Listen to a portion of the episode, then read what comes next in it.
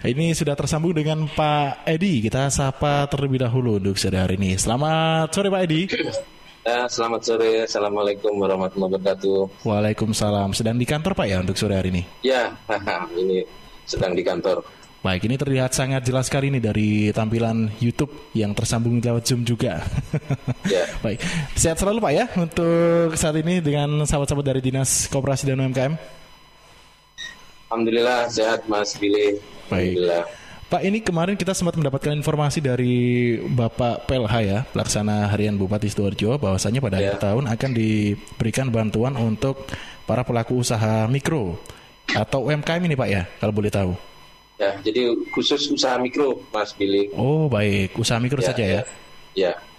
Ini uh, seperti apa, Pak? Kalau boleh tahu, Pak. Mungkin bisa dijelaskan. Ya. Oke, terima kasih Mas Billy. Selamat sore. Assalamualaikum warahmatullahi wabarakatuh. Para pendengar suara Sidoarjo yang saya hormati. Uh, jadi program ini namanya adalah program bantuan bagi pelaku usaha mikro BPUM Baik. Itu adalah program dari Departemen Koperasi dan UMKM uh, pusat yang intinya adalah uh, memberikan bantuan permodalan, bantuan permodalan kepada para pelaku usaha mikro. Baik. Jadi itu itu bukan bukan merupakan pinjaman, bukan, tapi adalah bantuan permodalan. Jadi nantinya tidak perlu mengembalikan Oh baik. Nah, ya, jadi itu Mas Billy. Baik, jadi itu ini mendasari surat dari Kementerian Koperasi Usaha Koperasi UMKM uh, itu tanggal 4 Agustus kemarin. Nah.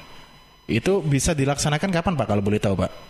Jadi begini, uh, begitu kami surat itu kami terima, langsung kami uh, berkoordinasi dengan teman-teman internal kami Kemudian kami pada inti pada intinya gini, surat tersebut itu menyebutkan bahwa agar dinas dinas koperasi usaha mikro kabupaten itu melakukan pendataan.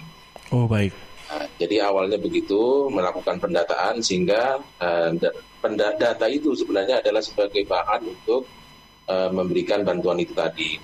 Sehingga okay. kami uh, langsung uh, berkoordinasi dengan teman-teman internal. Kami tentunya uh, di dinas sebenarnya sudah ada data. Cuman karena setelah kami cek dengan data yang diminta oleh uh, kementerian itu ternyata ada perbedaan. Kalau oh, data di kami itu datanya ada kolom yang tidak lengkap, jadi belum ada NIK-nya. NIK-nya itu belum ada, padahal itu sesuatu yang penting.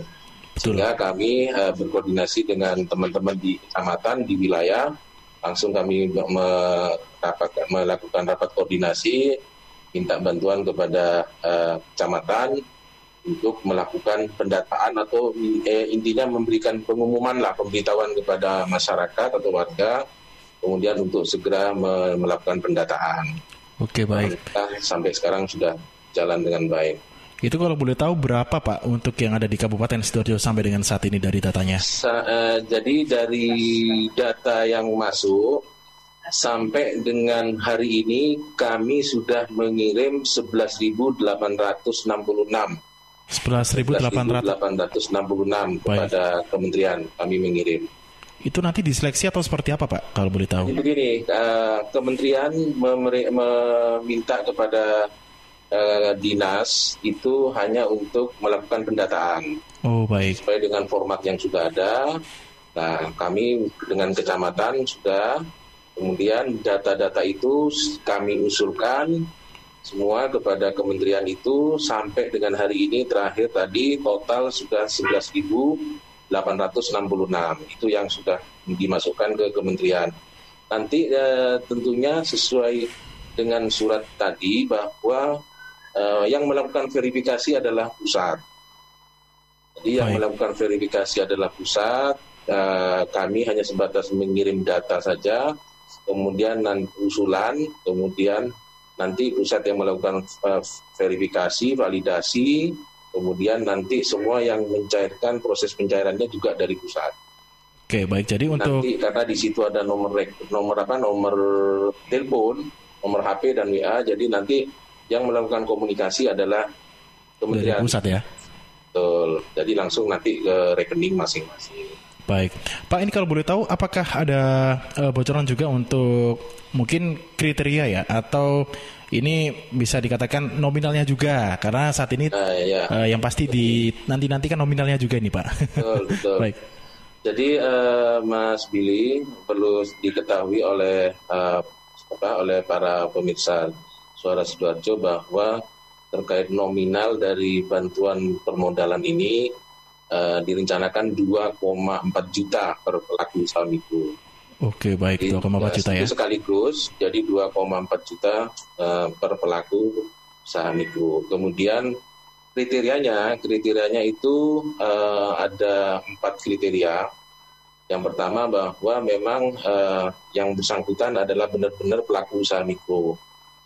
Itu okay, baik. yang pertama. Kemudian yang kedua adalah bahwa tidak merupakan ASN atau PNS atau TNI Polri atau pegawai BUMN atau BUMD itu yang tidak boleh. Baik. Kemudian, nah, kemudian yang ketiga, yang ketiga bahwa tidak dalam akses perbankan. Artinya oh, para pelaku usaha mikro tidak punya pinjaman, tidak melakukan kredit dan lain sebagainya dengan uh, lembaga keuangan. Itu yang yang ketiga. Kemudian yang keempat bahwa jumlah tabungan tidak lebih dari 2 juta okay. tabungan para, para para pelaku itu. Tidak lebih dari berapa juta tadi Pak? Dua juta. Oh, juta. baik. Iya. Kemarin saya juga sempat dapat informasi dari teman-teman wartawan ini Pak. Ini salah satu okay. dilakukan verifikasi ulang karena memang mungkin yang poin pertama ya para pelaku memang pelaku usaha mikro ini ada yang uh, tidak aktif lagi atau seperti apa ini maka bisa jadi acuan untuk dilakukan verifikasi ulang begitu Pak. Ya betul makanya Uh, jadi uh, terhadap empat kriteria tadi itu uh, kami melakukan filter tentunya dengan membuat semacam surat pernyataan, surat per, pertanggungjawaban mutlak, yang mana surat pertanggungjawaban mutlak itu adalah uh, menjadi uh, menjadi tanggung jawab mutlak daripada para pelaku usaha mikro tadi itu. Jadi mereka menandatangani di dalamnya ada item-item empat item tadi itu yang harus di, di, di apa ditandatangani. Baik, jadi ya. harus benar-benar uh, transparansi begitu pak ya mungkin dari para pelaku ya. yang akan menerima bantuan ini. Intinya bahwa uh, di pemerintah meminta semacam kejujuran lah daripada para pelaku usaha mikro itu. Betul. Kemudian untuk nanti setelah sudah dilakukan uh, action dari pusat pak, apakah dari dinas koperasi sendiri mungkin ada pengawasan begitu pak? Ya, uh, kami pasti pengawasan setiap saat kami melakukan pengawasan uh, yang namanya monitoring dan evaluasi Mas Billy ya. Uh, pembinaan sekaligus pembinaan dan pengawasan itu pasti kami lakukan setiap setiap saat. Uh, namun dalam rangka permodalan ini memang dalam suratnya itu juga disebutkan bahwa ini bukan untuk uh, istilahnya bukan bantuan untuk makan minum bukan tetapi adalah bantuan untuk uh, permodalan dalam rangka untuk mengembangkan usahanya. Jadi uh, itu yang perlu dipahami oleh oleh para pelaku usaha mikro bahwa ini adalah dalam rangka untuk membantu mengembangkan usahanya.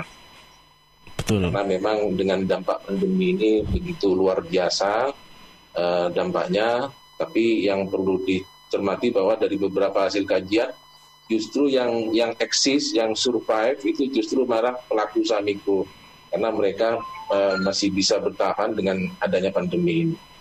Betul. Jadi ini intinya adalah memulihkan atau membagikan kembali perekonomian masyarakat Betul. pasca penurunan yang sangat Betul. drastis ya dari pandemi COVID-19.